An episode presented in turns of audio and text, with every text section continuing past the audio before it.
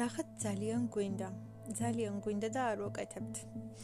ან ვერ ვაკეთებთ. და ვფიქრობთ, რომ მე რე გავაკეთებთ, მე რე გავაკეთებთ, მე რე გავაკეთებთ. ну ის მართალია რომ შეიძლება მე რე გავაკეთოთ მართლა გავიდეს დრო და გავიდეს რაღაც პერიოდი და ზუსტად ჩვენი დრო დადგეს და ზოგადად ეს მართლაც მიმეჩნია რომ ძალიან ზუსტი და სწორია რომ არსებობს რაღაცა დრო ჩვენი დრო როცა ყველაფერი გამოდის როცა ყველაფერი ეწყობა და ეგ არის ჩვენი დრო. უბრალოდ უნდა იყოს ის ზუსტად სწორი და შესაძფერისი დრო როცა ამას ვაკეთებთ მაგრამ ხანდახან ისე ხდება რომ აი ჩვენ ვერ ვაკეთებთ ან არ ვაკეთებთ.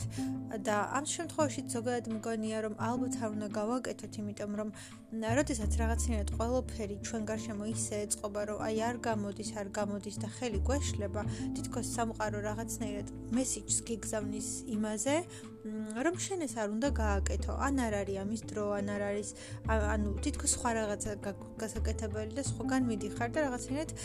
გეუბნება და გკარნახობს იმას რომ არა ეხა შენ ეს არ უნდა გააკეთო. შენ ეხლა აქ არ უნდა იყოს სხვა რაღაც უნდა გააკეთო და სხვა რაღაციც უნდა იყოს დაკავებული. შესაბამისად როგორც არ უნდა ვეცადოთ, ყველაფერი ხელს გვიშლის და ესეც ერთგვარი გზავნილი მესიჯი და სამყაროს ასე ვთქვათ პასუხია ჩვენ ქმედებებზე. უბრალოდ ჩვენ ამას ან ხედავთ, ან ვერ ხედავთ და ან აღვქვამთ, ან არ აღვქვამთ და შეიძლება უფრო გავბოროტდეთ, ან უფრო მეტად აგრესიულები გავხდეთ, უფრო მეტად რაღაცა გავხდეთ, მაგრამ ისიც შესაძლებელია რომ რაღაცა პერიოდის შემდეგ და რაღაც დროის შემდეგ, როდესაც მართლაც დადგება ჩვენი დრო და რეალურად დადგება ჩვენი მომენტი, ეს ყველაფერი ძალიან მარტივად და ძალიან კარგად გამოგვივიდეს და ასე ვთქვათ, არაფერი არ იყოს ხელის შემშლელი, არაფერი არ იყოს ისეთი, რაც დაგვაბრკოლებს და უბრალოდ გამოგვიო ყველაფერი ისე, როგორც უნდა გამოგვივიდეს და ყველაფერი აეწყობა როგორც გვინდა. მაგრამ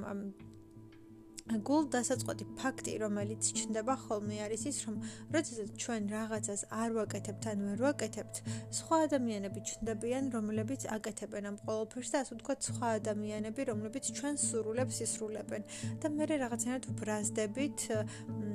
და ძალიან ისეთი უარყოფითი და ნეგატიური დამოკიდებულება მოდის, რომ აიმე ხო ეს მინდოდა რომ გამეკეთებინა და მე არ გამომივიდა, მე ვერ გავაკეთე და იმ ადამიანმა ნახე როგორ მარტივად გააკეთე და როგორ მარტივად შეძლო და როგორ ყველაფერი გამოვიდა და მე რატომ არ გამომივიდა, მე რატომ ვერ შევწელი და მე რატო არ ვქენი ან რატომ არ გავაკეთე და რაღაცნაირად იმის შეგრძნება დაყვება, რომ შენს ოცნებებს, შენს სურვილებს და შენს ყველაფერს სხვა ადამიანები უბრალოდ აი ესე მარტივად ისრულებენ და უბრალოდ ისინი აკეთებენ იმ ყველაფერს, რაც შენ ასე ძალიან გინდა. და რაც ასე ვთქვა, ჩვენთვის არის თითქოს და ფიქრობ და გგონია და აბსოლუტურად დარწმუნებულიც კი ხარ, რომ აი შენი არის და შენთვის არის, მაგრამ შენათუმაც არ გამოგივიდე და ამ ადამიანს როგორ კარგად გამოუვიდე და მე ბრაზდები, მე რა გწინს, ხანდახან გაბოროტებაც მოდის. გაბოროტება ნუ ძალიან ნეგატიურ ჭრილში არ გულისხმობ, მაგრამ აი რაღაცა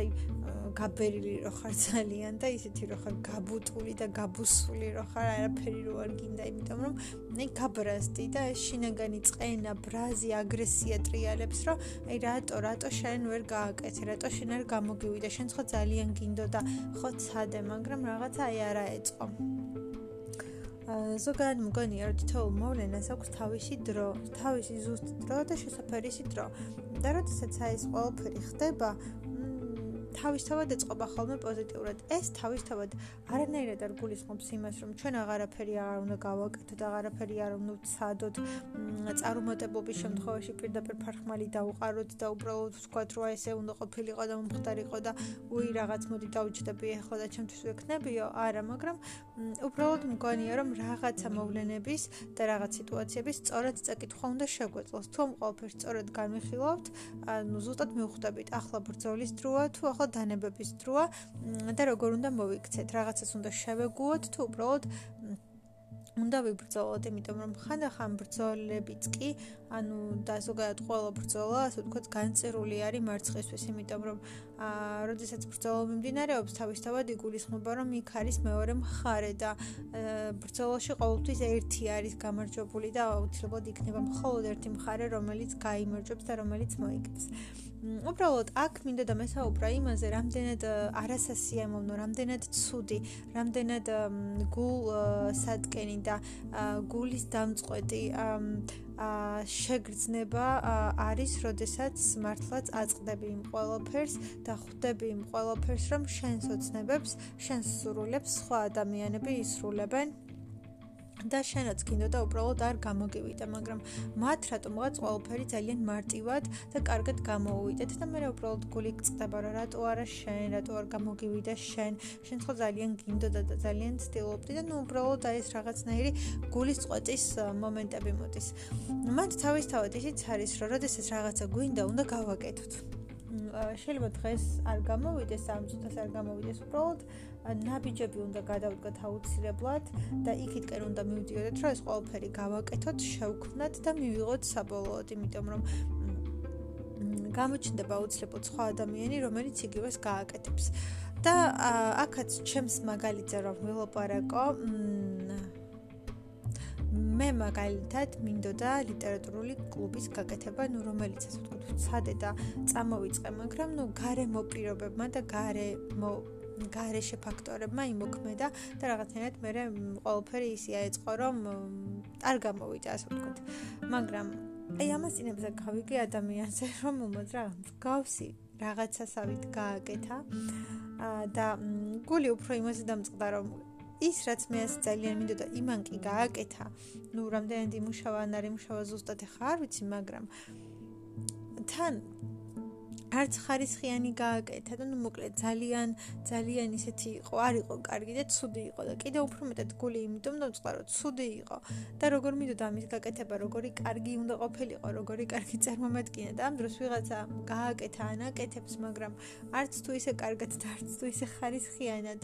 და ეს არის ძალიან გულდასაწყვეტი ნუ განსაკუთრებით მაშინარი ხოლმე გულდასაწყვეტი როცა კარგად არაკეთებენ თორე ვიღაცა თუ იგივეს აკეთებს და კარგად აკეთებს რატომაც არა. შენც ხო გინდოდა და ხო გინდოდა რომ ზოგადად ის ყველაფერი გამოსულიყო, შესრულებულიყო და კარგი ყოფილიყო და ნებისმიერ შემთხვევაში შენ გააკეთე თუ სხვამ გააკეთა,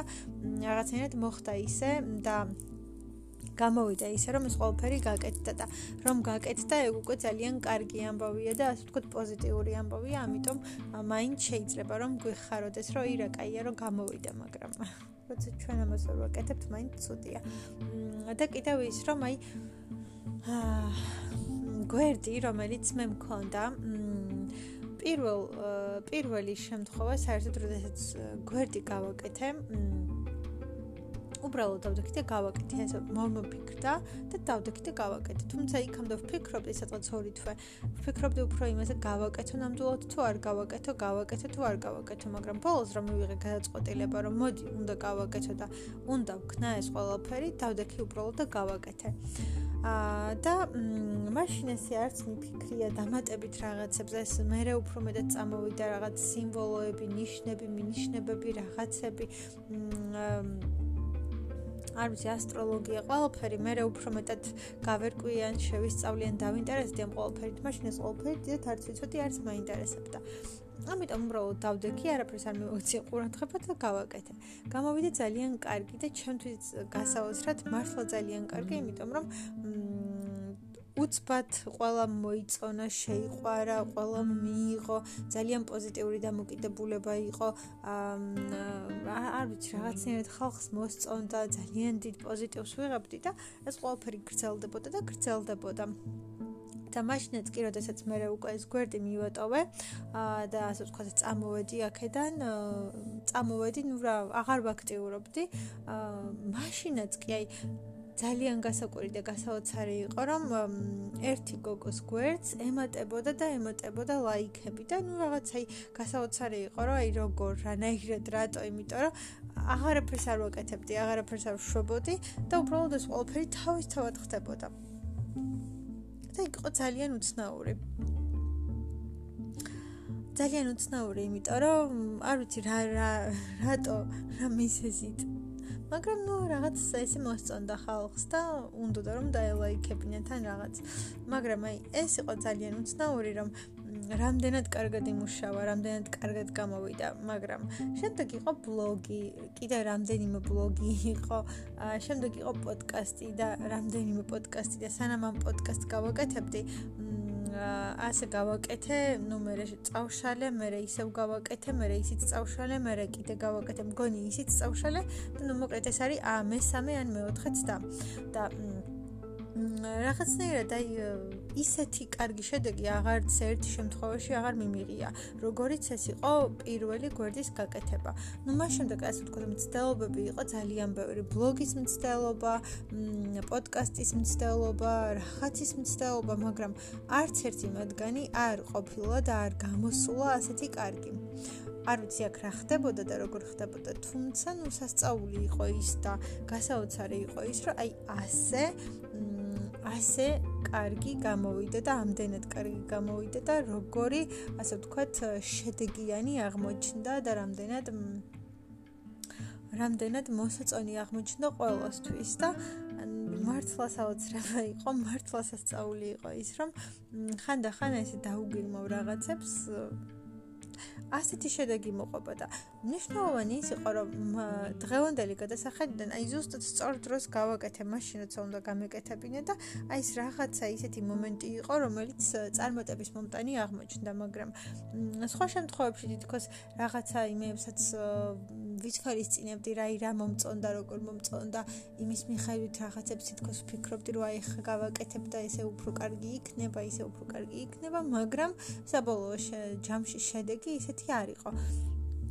და არ გამოდიოდა და ერთ-ერთი ეს პოდკასტის გაკეთებაც როცა გავაკეთე ერთ-ერთ პოდკასტს აღმოაჩნდა, ასე ვთქვათ, თავისთავად მოხდა ესეც ძალიან ბევრი მსმენელი. ну, საკმაოდ ბევრი ყოველ შემთხვევაში ძალიან მიკვირდა და რაღაც მეთქი როგორი კარგია, როგორი სასიამოვნოა, როგორი მაგარია და როგორც არ უნდა ველაპარაკოთ, როდესაც არსებობს მსმენელი და როდესაც ეს აქტიურობა, ასე ვთქვათ, არის, რა თქმა უნდა, გიხარია, იმიტომ რომ რაღაც მხრივ ამისთვის ვაკეთებთ ხო ამ ყველაფერს და ეს არის ის შედეგი და ზოგადად მოლოდინი და ყველაფერი, რაც გვინდა და როგორც გვინდა რომ გამოვიდეს და ძალიან მომწონდა, ძალიან მიხარო და მეთქი რა მაგარია, როგორი კარგი არის რაღაც და მ შემდეგ ნუ რაღაც ისე მოხდა რომ ეს პოდკასტიც ასე ვთქვათ გავაუქმე და ახალი გავაკეთე, მაგრამ ისეთი შედეგი აღარ ყოფილა, როგორც წინა შემთხვევაში იყო. თან გასაოცარი ყველაზე უცნაური ყველაზე სასიამოვნო არის ხოლმე ის, როდესაც მე პირადად ესე არ ვცდილობ არაფერს, რომ აი ეს რაღაცნაირად გახდეს ამ პოპულარული, ანუ ჩემ ხრიდან ესეთი დიდი ან აქტიური ჩართულობა, რომ რაღაც გავაკეთო, არა, უბრალოდ ვაკეთებ იმას, რაც მომწონს, უბრალოდ ვწერ პოდკასტს, უბრალოდ საუბრობ იმაზე, რაც მაინტერესებს, ან რაც მომწონს ან რაც ჩემთან ახლოს არის, ან იწუთას რასაც ვგრძნობ და უბრალოდ ჩემი ფიქრები, ჩემი აზრები ან შეხედულებები ან დამოკიდებულება და უბრალოდ ამ ყველაფერს ვლაპარაკობ, ყვები და თითქოს რაღაცნაირად მემორის გავს, რომ რაღაცებს ინახავ, რომლებსაც შეიძლება ოდესმე მოусმინო, თუნდაც 5 წლის შემდეგ, ან 10 წლის შემდეგ და გაიხსენო თუნდაც ის როგორი იყავი, რას ფიქრობდი, როგორი წარმოდგენები გქონდა და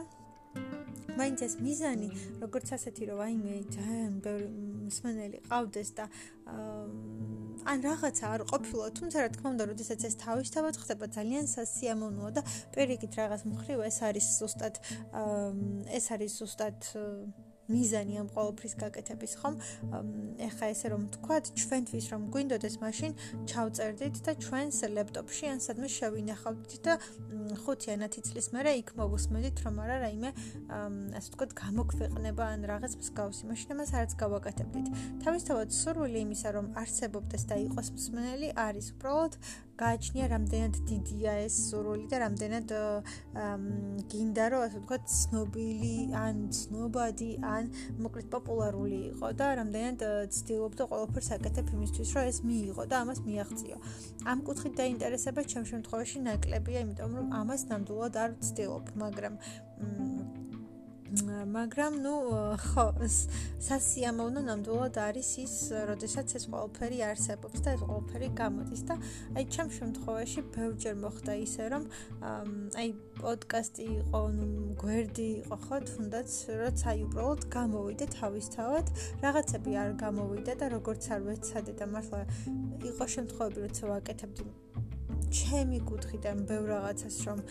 გამოსულიყო, რომ უფრო მეტად კარგი ყოფილიყო, მაგრამ რაღაცნაირად არ არ ვერ რაღაცნაირად არ გამოდიოდა, რაღაცნაირად არ ხერხდებოდა და ვერ ხდებოდა და ნუ რაღაცნაირად ისეთი იყო, რომ აი რატო არ გამოდის, რატო ვერ გამოდის, რატო არ ხერხდებოდა. მე რაღაც გული მწყდებოდა, მაგრამ ეგეც საინტერესო და საინტერესო იყო, რომ როცა ამის ყველაზე კარგი მომენტი იყო, თითქოს და ამის ყველაზე საჭირო დრო იყო, მაშინ გამოდიოდა, მაშინ ხერხდებოდა. და მაშინ ასე ვთქვათ, ყველაფერი კარგად ეწყობოდა და როცა ამის დრო არ იყო, რაღაცნაირად ვერ ხერხდებოდა ეს ყველაფერი და ვერ გამოდიოდა. ამიტომ ნამდვილად არსებობს სწორი დრო, შესაძფერისი დრო, წარმატების მომტანი დრო, როდესაც ყველაფერი კარგად ეწყობოდა, ყველაფერი კარგად აეწყობოდა, ისე გამოვა როგორც ჩვენ გვინდა. არის მომენტები, რომლებიც ჩვენი საერთოდ არ არის, ამიტომ ხანდახან უნდა ვისწავლოთ ლოდინი. დაცდა. მოცდა მოლოდინი და მოთმინება რომ მივიღოთ ის რაც მართლა გვინდა და მივიღოთ მაშინ როცა ჩვენი დრო მოვა. მაგრამ აი ეს გულსატკენი მომენტი რომ რაღაცა რაც ჩვენ ძალიან გვინდა სხვა ადამიანი აკეთებს და სხვა ადამიანები აკეთებენ და გამოსდით. გულსატკენია ხანდახან ბრაზდებით კიდეც მაგრამ ალბათ უფრო იმ კუთხით უნდა ვიფიქროთ რომ ეს დრო მათი იყო და მათთვის იყო და მათ გამოუვიეთ, მაგრამ ჩვენ რაღაცნაირად არ გამოგვივიდა, იმიტომ რომ ჩვენთვის არ იყო ეს მომენტი და ეს დრო უბრალოდ მე ფიქრდები, რომ მე კიდე კიდე გენდომება რომ გააკეთო, კი, შეიძლება გინდოდეს კიდეც, მაგრამ უფრო ალბათ შიში ვიდრე ის რომ გენდომება თუ არა, უფრო შიში იმის რომ აი მე რა ეს ყველაფერი ბევრი იქნება და ბევრი ადამიანს რა იქნება მსგავსი რაღაც გაკეთებული, ჩემიც კარგი იქნება და გამოვა. კი, თუ გულით გინდა რომ კარგი იყოს, ნამდვილად გამოვა კარგი. და შეიძლება იმ სხვებზე კარგიც კი გამოვიდეს. უბრალოდ შენ შენი სათქმელი და შენ შენი სიტყვა უნდა თქვა, რომელიც იქნება გამორჩეული და განსაკუთრებული. ასე თუ ავიღებ, ძალიან ბევრი წიგნი იწერება. წიგნების უმრავლესობა სიყვარულზეა. აა, ნუ ძალიან ბევრი მათგანი, მაგრამ ძალიან ბევრი მათგანი არის ცნობილი და პოპულარული და ყველა თავის სათქმელს ამბობს. თემა ერთი და იგივეა, თუმცა სათქმელი განსხვავებული და ყველა თავისებურად ამბობს და გვეუბნება ამ სათქმელსა. ჩვენ როგორ ვიტყვით ჩვენ სიტყვას და ჩვენ როგორ მივიტანთ ჩვენ სათქმელს მსმენელამდე, ეს აბსოლუტურად ჩვენზე არის დამოკიდებული და რამდენად კარგი გამოვა ეს ყველაფერი, ესეც აბსოლუტურად ჩვენზე არის დამოკიდებული და აქ მხოლოდ ჩვენ ვართ ჩართულები, რომ ეს ყველაფერი იყოს, მოხდეს და გამოვიდეს. და მთავარია გჯეროდეს საკუთარი თავის და გჯეროდეს საკუთარი ძალების და მაშინ ყველაფერს შევძლებთ აუცილებლად. you